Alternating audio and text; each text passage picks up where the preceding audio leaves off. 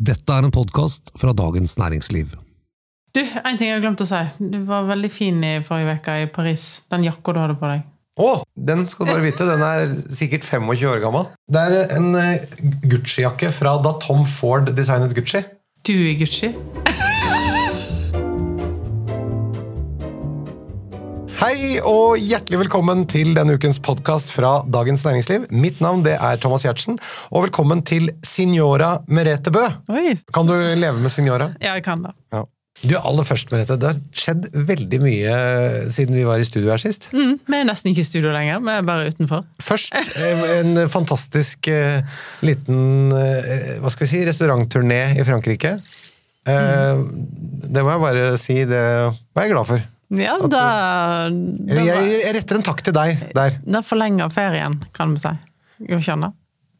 Ja, eller det, det ga en god følelse, i hvert fall. Eh, ferie, jeg vet ikke helt hvilken ferie du snakker om, men eh, det er kanskje livet ditt du tenker på. Men ikke nok med det.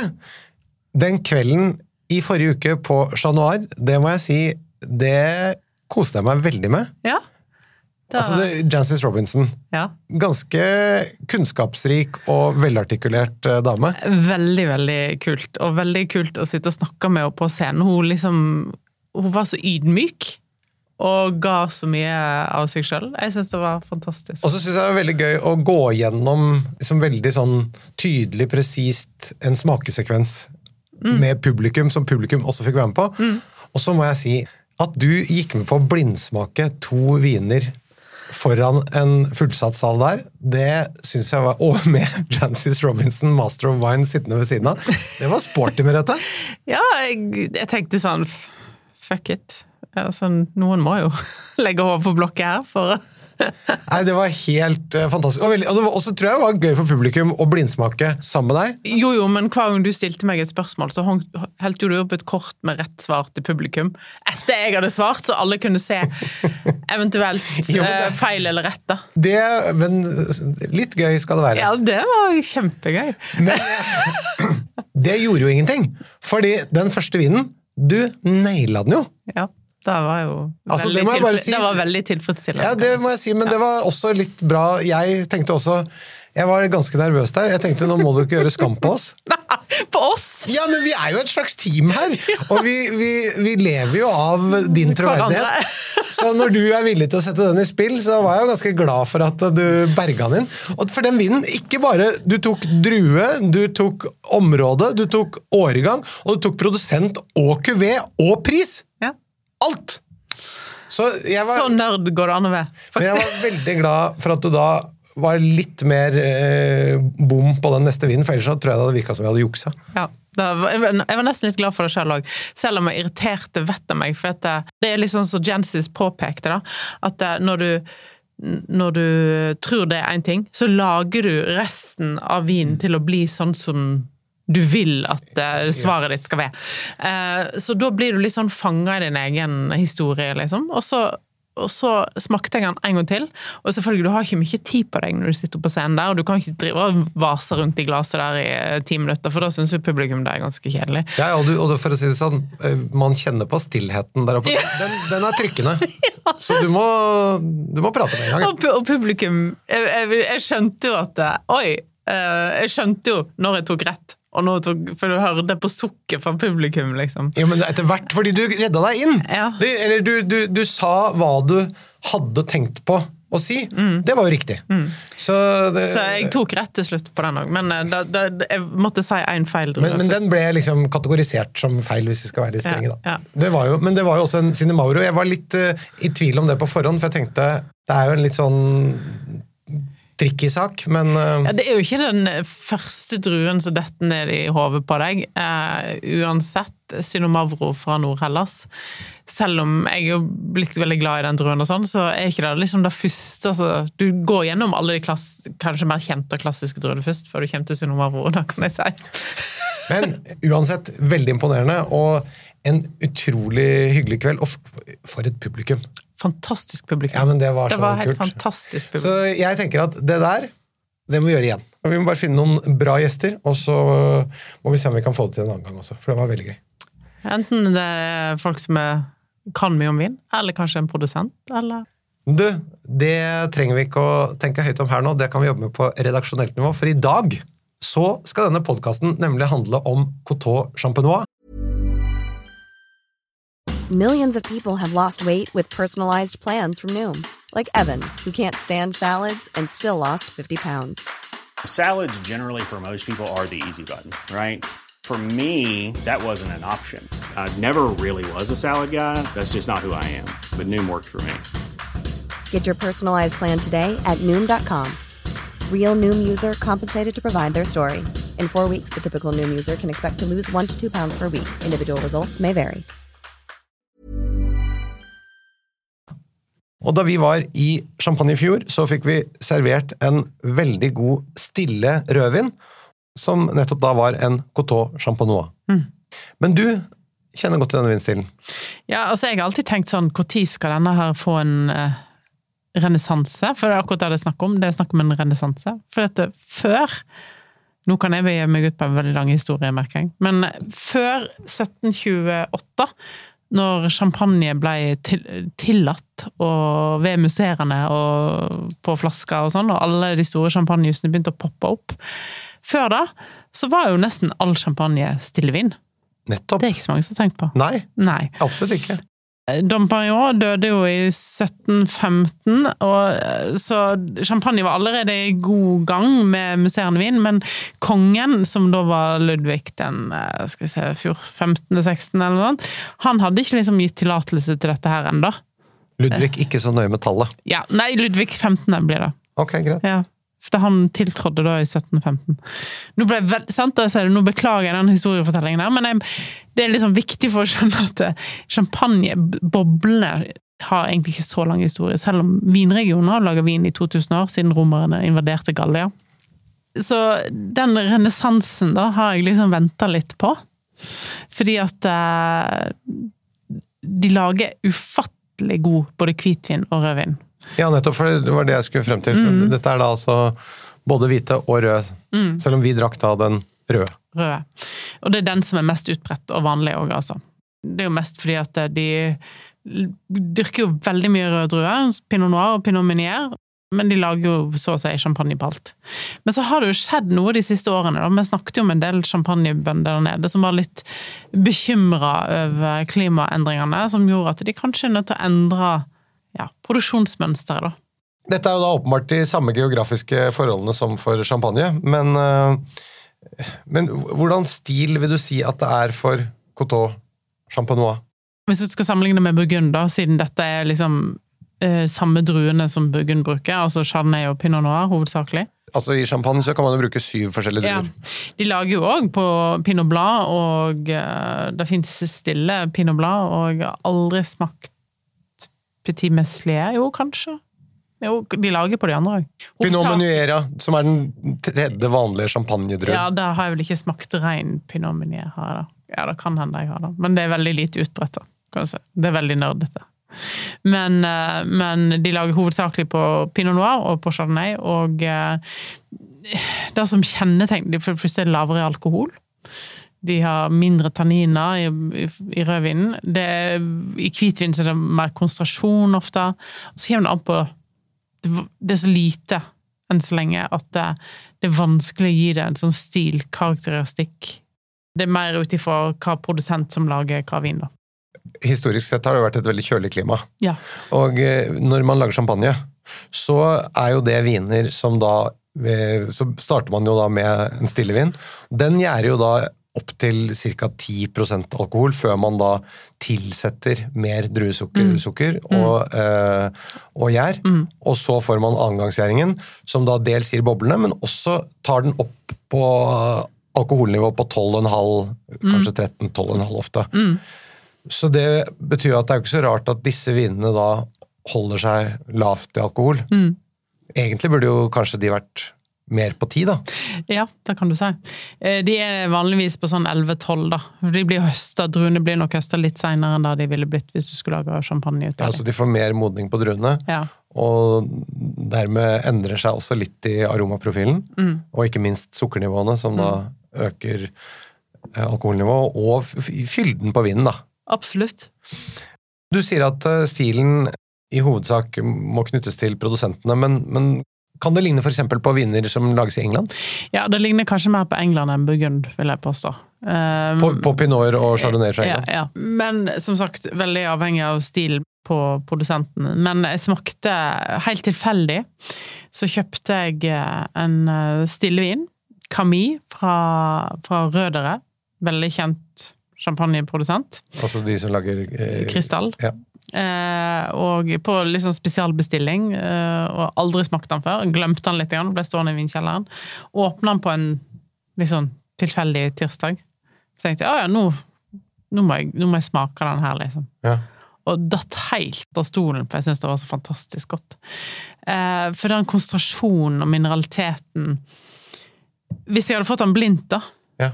Jeg håper jo at jeg hadde gått til champagne, men du, du skal nesten komme på det, for det er så sjeldent at du opplever det. Eh, men det er nok den beste hvite couture champenois jeg har smakt i hele mitt liv. Oi! Ja, den var helt Men sant, Men, det men hvis du ikke hadde gått til champagne på den, hva hadde du hva, hva tror du at du hadde sagt da? Eh, Da hadde, da hadde jeg tenkt en ekstremt kjølig pulini. Eller eventuelt en ekstremt god engelsk hvitvin. Følger de samme klassifikasjonssystemet som eh, for vanlige champagner, altså som er champagne ellers? Ja. Kan ikke du ta og friske opp for eh, lytteren klassifikasjonssystemet i champagne, da? Det er 17 landsbyer som har Grand Cru-klassifisering. Ja, Og det er altså da ikke vinmarken som har det, men Nei, hele landsbyen. hele landsbyen. Så hvis, så hvis du har en dårlig vinmark i en Grand Cru-landsby, Ja. så har du en Grand Cru.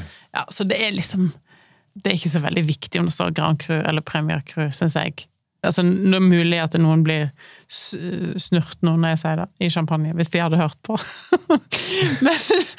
men men eh, I hvert fall de som har Grand Cru. Ja, i hvert fall de som har Grand Cru. Det er sånn, det, det, Mens de som ikke har noen ting, de er nok enige med deg. ja, ja. Men altså, det fins masse dårlig Grand Cru eh, i champagne. Det kommer helt an på evnen til vinmakeren mer enn vinmarken ofte. Men så må de vel ha egne regler for uh, vinifikasjonen her. For Mm. det, det blir jo nødvendigvis annerledes. Det er jo ikke noe avgangsgjæring på flaska her. Nei, uh, så det som har blitt de siste årene, er jo fordi at det har vært varmere årganger. Uh, De har fått mer sukker i druene. De sitter da gjerne med en potensiell alkohol i basevinen sin på 12-12,5. Ja. Og hvis du da skal legge til 1-1,5% i en annengangsgjæring, så blir alkoholen for Eller to. Så blir alkoholen for høy, sant? Får ikke lov å lage champagne. Nei, nettopp. Den skal ikke være over 13. Så da må du faktisk lage hvitvin eller rødvin. Ja, kjære lytter, i dag så snakker vi altså om Coteau Champenois. Og Merete, du skal komme med anbefalinger på de beste kjøpene. De finner du også i infoteksten. Du, da begynner vi med hvit Coteau Champenois. Hva kan jeg forvente av en kvalitetsprodusent her, Merete? Du kan forvente veldig bra konsentrasjon. Eh, veldig bra syrenivå. Eh, tydelig sånn mineralsk frukt. Nå har jeg ikke smakt så mye gammel Champenois, for det har liksom ikke eksistert så mye av det. Så på hvit eh, så har jeg ikke smakt noe modent, sånn sett, men jeg tipper at jeg kan lagre ganske bra. Mye, mye bedre enn hvitburgund, kanskje. Å, du tror det, ja? Mm. Fordi denne mystiske oksidasjonen som har skjedd av hvite burgundere, som nå kanskje ser ut til å ha Dødd ut. Jeg tror ikke det. Jo, jeg håper det. Men det er det du har i bakhodet når du sier at det kan lagre bedre? Ja, også, og at det er bedre konsentrasjon og be høyere syre. Syre er med på å bevare. Nettopp, og, og så har vi snakket om alkoholen, så den legger du på sånn 12,5? Ja, og det er jo 12, 11,5 òg, eller? ja, altså det er jo ingenting som er bedre enn hvis den var på 11,5. Altså, det er jo ingenting som gjør meg mer glad enn å se 11,5 på en etikett. Nei, det er jo mer sånn uh, Riesling og Alvarinho og sånn. Ja, ja, ja. Ja, men vi er der. Ja, ja. Og du tenker at de lagrer godt? ja altså, de, jeg tipper at de vil lagre godt. Jeg har mer erfaring med rød på lagring, og de lagrer fantastisk fantastiske. Og så snakket vi om eh, blindsmaking, Mm. men du ville sagt chardonnay? Ja, ja, det håper jeg virkelig. Og det er den de som oftest bruker på den hvite. Mm. Vil du finne mye eik? Nei. Ikke mye eik. Det er noen småprodusenter som bruker litt mer eik enn andre, men det er ikke noe Det er ikke, det er ikke, det er ikke en hvit burgund-eik. Men gjør de eh, batonasje og sånn? Altså, du kan forklare hva det er også. Ja, batonasje, og rører du rundt i gryta, rører du rundt i fatet. Når eh, Bunnfallet, eller når gjæringen eh, er egentlig ferdig, men ja. Ja, Og det gir jo også en litt sånn kremet tekstur på vinen. Mm. Og får du den her? Nei. Ikke samme? Nei.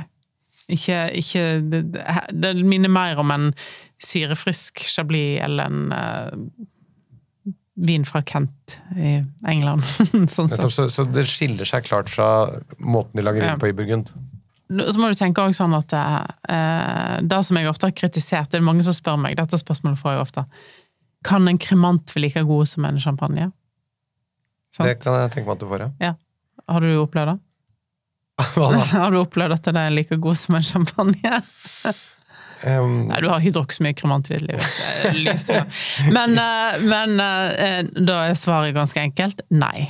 ja, men altså, dårlige champagner Ja, og en grisegod kremant, ja, men det er veldig sjelden det skjer. da. Men ofte er det jo litt sånn fordi at de som lager kremant, ikke alle, men de som lager kremant, lager ofte kremant og rødvin og hvitvin, og altså hele spekteret, da.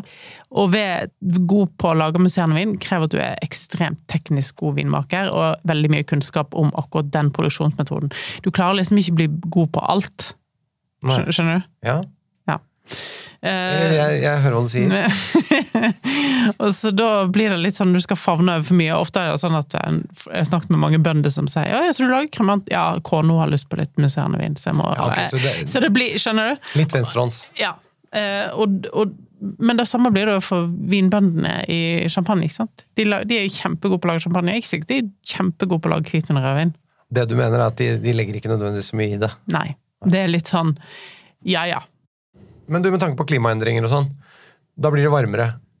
Kan det tenkes at det blir mer av denne typen viner fra champagne, og, og kanskje mindre av klassisk champagne? Absolutt. Og de lager jo allerede for lite champagne, så det blir, kan det bli en utfordring. Eh, Men eh, jeg tror absolutt at du kommer til å se mye mer av dette. Og eh, på 70-tallet så lagde de faktisk fem millioner flasker med stillevin i champagne. Oi! Så det var ganske stor produksjon. Men så kom den store champagneetterspørselen, særlig etter 2000. Og nå i året nå så lager de bare 75 000 flasker i året. Men en har begynt, særlig med sånn som 2022-årgangen i fjor, så begynte de å se en endring. Fordi at de ikke hadde noe valg.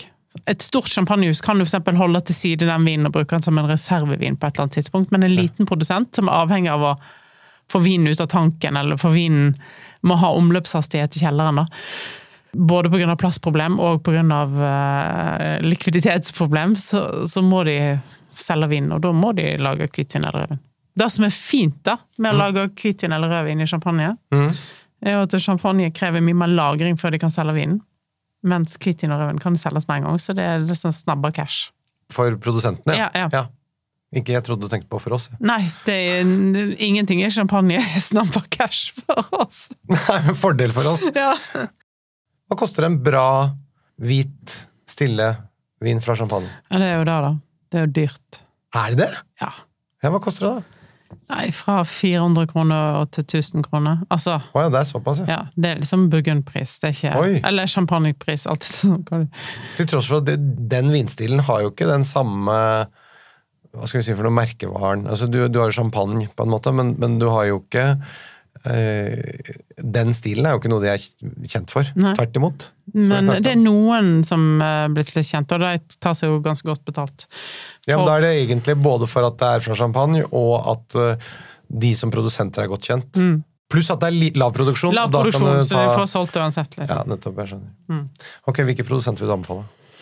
Nei, altså jeg vil jo trekke fram Rødere. Problemet er at det, det kommer seks flasker til Norge hvert eneste år, så den er jo på en måte det det litt- Ja, ja, men jeg må jo nevne den, Ja, selv om ja, det blir ja. laga ett fat i året. For hvis du ikke veit hva det beste er, så kan du Ikke sant? Du som har cornflyer fra Gucci, liksom. Du, kan, du må vite hva den beste cornflyen er. om det her! Jo, skal vi vel?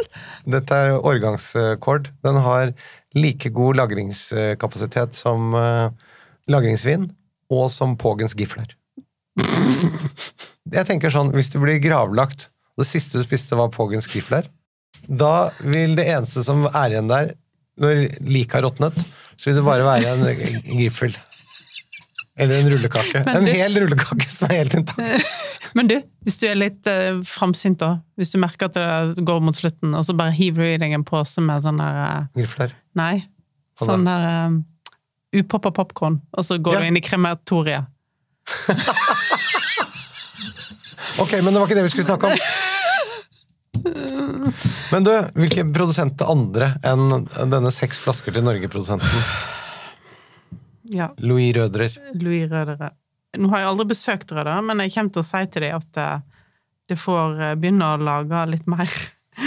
Helt supert at du tar og gir beskjed om det, sånn at vi får flere flasker. Men inntil du har fått eh, gitt ordre om hvor mange flasker vi skal lage og sende til Norge, kunne du da i mellomtiden gi oss en liten eh, Det kommer så lite av hver vin her, ikke sant? Så Ja. det finnes ca. 20 forskjellige Couture på polet. Ok.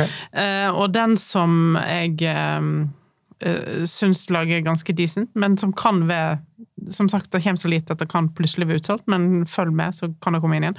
Og det er ganske kult. Den er laga på 100% Petit Meslier, en drue som du nesten aldri ser i champagne. Og som er da en Hvit drue. Yes. Ja, siden vi snakker om hvitvin, da. Så Nettopp. Det var det jeg bare med, altså. Jeg kjente ikke igjen den som Nei. hvit rød, men her er vi Eh, på og og, og, utkanten. Ja, eh, og den er laga med produsent som heter Etienne Kalsak. Ok, jeg kjenner produsenten.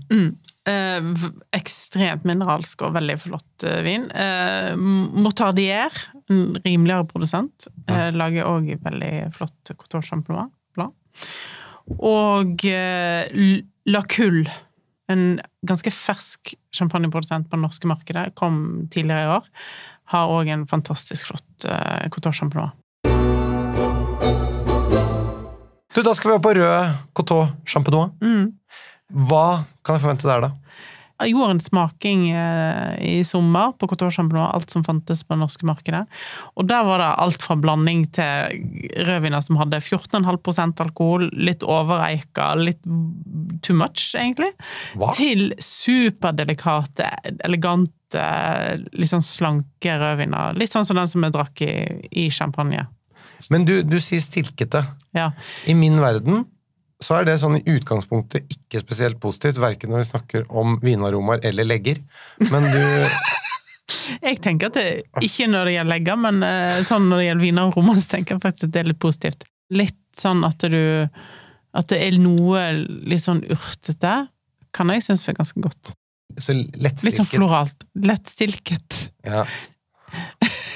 Så egentlig hele spekteret her, altså fra stilket til Ja, så det tung eh, ja, men Robert Parker-vin. Ja. Jeg kan si at jeg har hatt to røde eh, opplevelser fra champagne som er sånn eh, mind-blowing. Mm. Og den ene er da Bollinger sin Coteau Enfant. Ja. Deres rødvin, som har vært eh, veldig, veldig kjent. Eh, rødvin. Nå lager de òg champagne for den vinmarken, faktisk. En, eh, da en Blande Noir. Mm. Eh, som kommer nå i ny årgang på polet i høst. Eh, som er en fantastisk champagne. Lages veldig lite av. Og rødvin lages òg veldig lite av. Og den har alltid vært den beste for meg. Helt fram til jeg smakte en moden variant av en rødvin fra champagne i, i, i fjor. På skigarden i Hemsedal. Okay. Der har de et ufattelig eh, utvalg av champagne generelt, men òg stillevin fra champagne. Ja, så hvis man skal modent. til Hemsedal i høstferien, så er det et sted å stikke innom og teste? Eller hvis du er altså, bare et par timer under, så ville jeg ha tatt turen. Å ja, det er Så, såpass. ja. Og det var 1985-årgangen fra André Buffort. Jeg glemmer ikke den, altså. Hvis du hadde fått uh, disse vinene blindt, disse rødvinene, Mm. hva hadde du sagt da? Laget på Pinot, da, hvis vi sier det. Nei, jeg hadde nok Jeg håper jeg hadde sagt champagne. Men kunne du tenkt eksempel Coteau Bourguignon? Altså en Nei, for de har mye mer finesse enn da, egentlig. ja. Ok. ekstremt kjølig årgang i Burgund, eller eh, For det er ikke helt England heller. England har litt sånn søtere frukt, litt mer moderne vinmaking, på en eller annen måte. Vil du si at England har en kjølig variant av en amerikansk pinot. Ja. Mer. Mm. Så de aromaene eh, som pinot får når den er produsert i USA, de er til stede i, også i når de lager pinoter i England, men da i en kjøligere, strammere stil sånn på strukturen og syren og sånn ellers. Nettopp. Ja, det begynner å tegne seg et bilde her som jeg kan forstå. Hvis ikke så må kanskje neste tur må være til Skigarden, så skal vi åpne noe modent. Ja, ja, ja, ja, ja. Altså, som jeg sier, du har min tillit. Så kan jeg ta det med i løypa òg, så kan vi se hvem som kommer først ned. Jeg, sier- jeg sier som eh, Jonas Gahr Støre sier så ofte til sine statsråder. Du har min tillit. Jeg sier det ikke i forbindelse med at du har gjort noe gærent, jeg sier det i forbindelse med at du har gjort noe riktig. Vi må få flere produsenter på blokka her, så folk kan gå på polet og prøve. Altså, Bollinger sin er stort sett bare på spesialbestilling. Jeg tror jeg aldri har sett den på polet, men den er av og til på restauranter. Og hvis du kommer over den på et restaurantkart, så vil jeg jo absolutt ha skaffe meg en, en, en rød Bollinger. Og eh, et annet alternativ som fins på polet, er La Cull, som jeg nevnte i stad. Ja. Den er ikke så ille prisa. Altså, ingenting som er billig her, men den koster 560 kroner. Så den er ganske nice price i forhold til masse annet.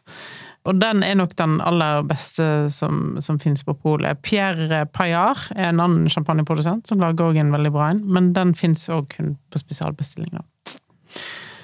Mm. Og så har du Oriot, fins på polet. Jeg syns nok eh, La Cull er bedre, men Oreo er en veldig god produsent, altså.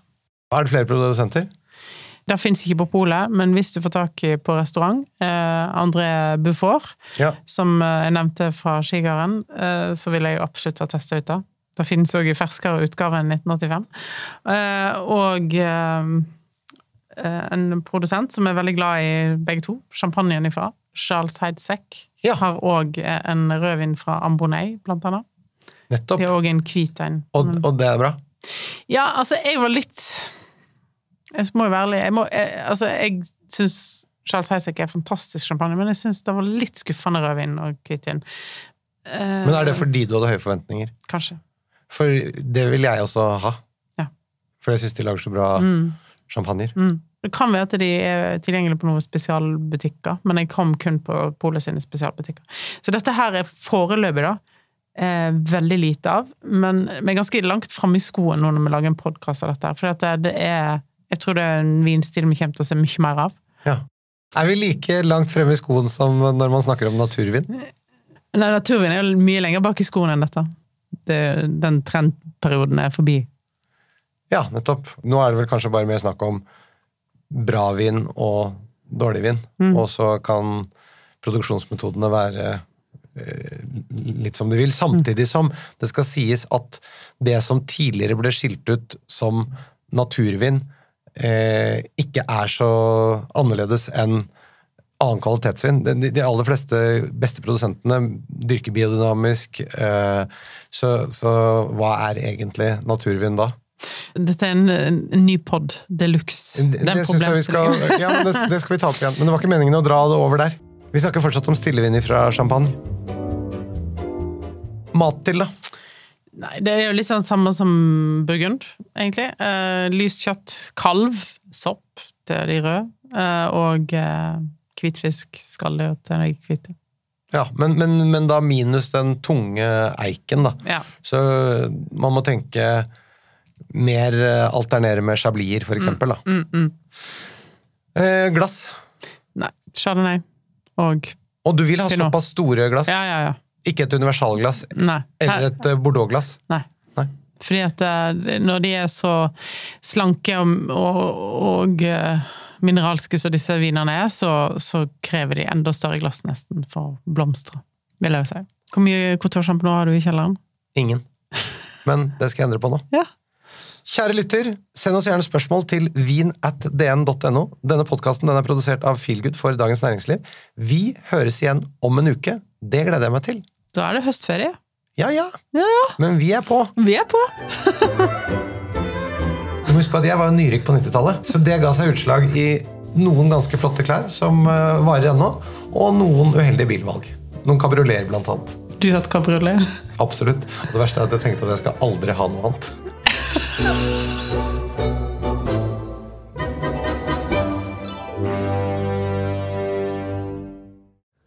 har nå hørt en podkast fra Dagens Næringsliv.